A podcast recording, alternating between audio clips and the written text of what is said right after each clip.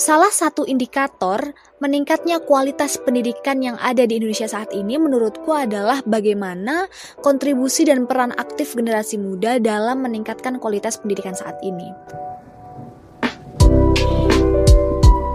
Anda sedang mendengarkan Imapres Podcast, sebuah tempat untuk mengeksplorasi pemikiran, pengalaman, dan aspirasi dari para ekspertis.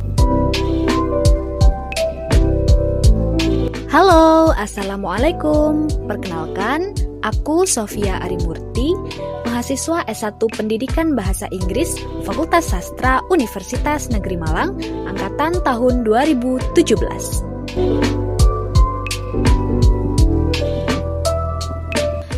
Ketika kita berbicara mengenai pendidikan, sektor pendidikan adalah hal yang paling dekat dengan kita. Karena dunia pendidikan tidak hanya diajarkan di bangku sekolah saja, tetapi di luar sekolah pun kita juga masih bisa mendapatkan pendidikan. Sehingga hal inilah yang membuat ketertarikan saya begitu besar di bidang pendidikan. Saya ingin memberikan sesuatu hal yang bermanfaat untuk orang Hal yang paling mudah adalah dengan memberikan ilmu yang saya miliki kepada orang lain, yaitu menjadi guru dan fokus di dunia pendidikan.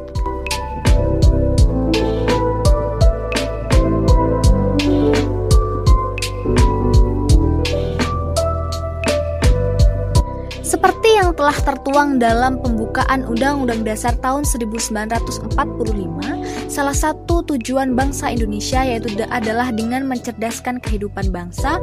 Hal yang bisa kita lakukan adalah mengoptimalkan kemampuan diri kita dengan belajar sekuat tenaga agar kita mampu mempunyai kemampuan dan melatih diri kita sebagai pendidik dan juga pengajar yang bisa menjadi suri tauladan bagi siswa-siswa kita. Selain itu, kita juga perlu melakukan latihan bagaimana cara mengajar. Karena hal yang perlu dimiliki oleh calon pendidik adalah minat untuk mengajar. Setelah itu, kita bisa mengasah kemampuan kita dalam mengajar dengan melakukan micro teaching kepada teman-teman kita maupun mengikuti kegiatan relawan yang diadakan oleh beberapa organisasi.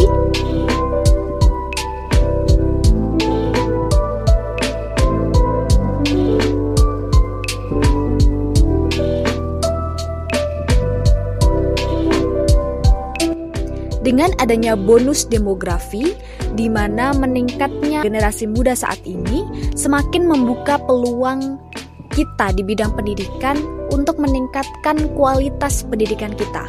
Karena saya percaya bahwa kualitas pendidikan dilihat dari seberapa aktif generasi muda yang turut andil, yang turut ambil bagian dan berkontribusi terhadap dunia pendidikan.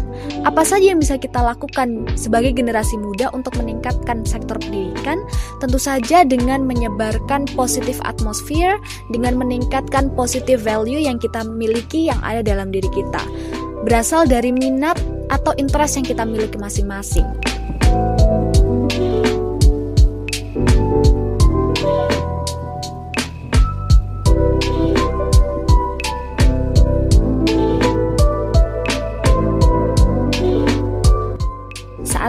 Dengan adanya pandemi COVID-19 mengakibatkan perubahan di berbagai macam sektor.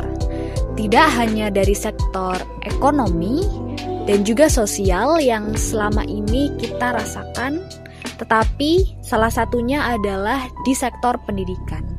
Saat ini sektor pendidikan kita mulai mengalami perubahan yang sangat signifikan. Salah satunya adalah penggunaan teknologi yang saat ini sedang gencar-gencarnya dilakukan sebagai salah satu solusi pendidikan di era pandemi kali ini.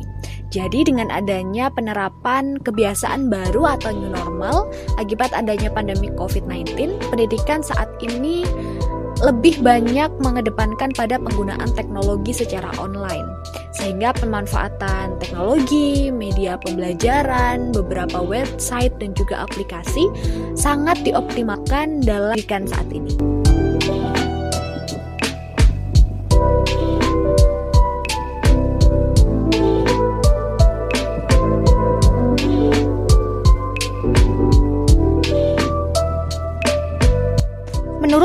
Terdapat dua kecerdasan penting yang harus dimiliki oleh siswa, yaitu pertama kecerdasan secara intelektual dan yang kedua kecerdasan secara emosional.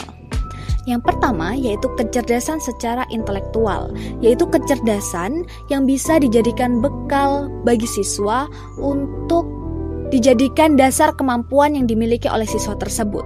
Apakah siswa tersebut minat di bidang bahasa seperti bahasa Indonesia, bahasa Inggris, bahasa Jepang, dan bahasa yang lainnya, atau siswa minat di bidang saintek seperti biologi, fisika maupun kimia dan juga ilmu-ilmu teknik maupun teknologi lainnya atau ilmu sosial dan humaniora seperti ilmu sejarah, ekonomi, akuntansi, manajemen dan lain sebagainya. Di sini peran guru adalah untuk mentransfer ilmu yang dimiliki oleh guru kepada siswa untuk meningkatkan kemampuan agar mengasah skill yang dimiliki oleh siswa tersebut. Yang kedua yaitu kecerdasan emosional, yaitu bagaimana cara siswa tersebut mengembangkan diri, bagaimana siswa tersebut mampu untuk mengontrol dan menguasai diri mereka, dan bagaimana cara mereka untuk beradaptasi dengan lingkungan mereka. Kecerdasan emosional dapat diinternalisasikan dalam kecerdasan intelektual dan dapat bekerja secara beriringan untuk menunjang siswa tersebut sebagai satu kesatuan yang utuh.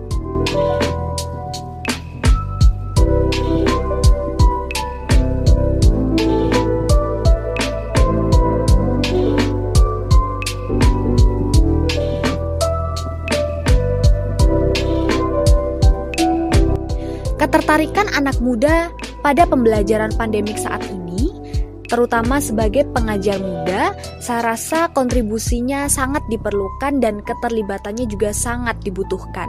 Karena sebagai anak muda, sebagai generasi muda tentunya mereka memiliki pengetahuan yang lebih tentang bagaimana cara mengoperasikan teknologi, tentang bagaimana cara menginovasikan media pembelajaran yang cocok untuk murid-murid atau untuk siswa yang ada di sekolah.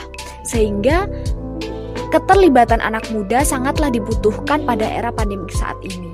Karena pembelajaran di rumah tentunya membutuhkan effort yang sangat luar biasa untuk mengurangi kebosanan, untuk meningkatkan ketertarikan siswa, sehingga untuk menambahkan minat siswa pada bidang pendidikan, keterlibatan anak muda itu sangat dibutuhkan.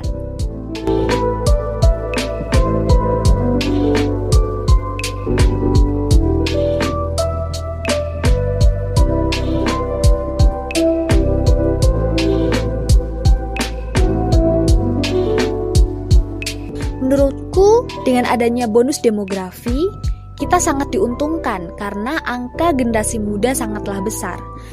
Salah satu indikator meningkatnya kualitas pendidikan yang ada di Indonesia saat ini menurutku adalah bagaimana kontribusi dan peran aktif generasi muda dalam meningkatkan kualitas pendidikan saat ini. Apa yang bisa kita lakukan?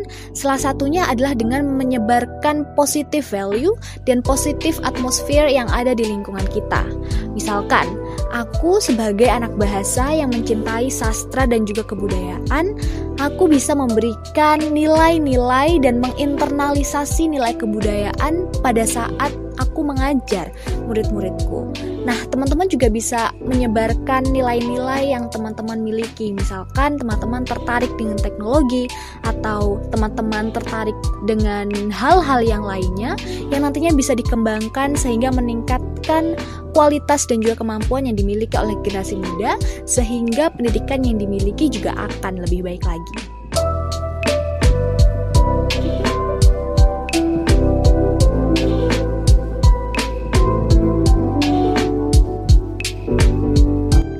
Terdapat empat kompetensi dasar yang harus dimiliki oleh pendidik maupun calon pendidik yaitu pertama kompetensi pedagogik, kompetensi kepribadian, kompetensi profesional dan kompetensi sosial.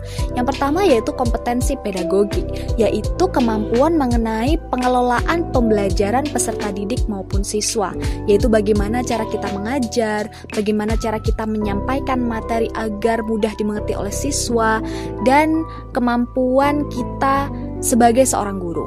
Yang kedua yaitu kompetensi kepribadian, yaitu kemampuan kepribadian yang mantap, berakhlak mulia, arif dan berwibawa serta menjadi teladan bagi peserta didik. Karena esensi dari guru adalah orang yang digugu dan ditiru, yaitu kita sebagai guru sebagai role model atau contoh bagi murid-murid kita. Yang ketiga yaitu kompetensi profesi, di mana kemampuan penguasaan materi pelajaran secara luas dan juga mendalam. Hal ini berbicara mengenai mata pelajaran yang dikuasai oleh guru tersebut. Apakah guru bahasa Inggris menguasai materi bahasa Inggris? Apakah guru IPS menguasai materi IPS? Dan lain sebagainya. Dan yang terakhir yaitu kompetensi sosial, yaitu kemampuan guru untuk berkomunikasi dan berinteraksi secara efektif dan efisien dengan peserta didik, sesama guru, wali murid, maupun masyarakat yang ada di sekitar. Hal ini berbicara mengenai bagaimana cara kita berinteraksi dengan orang lain. Terima kasih telah mendengarkan Imapres Podcast. Cek juga Instagram kami di @imapresum untuk berbagai konten menarik lainnya.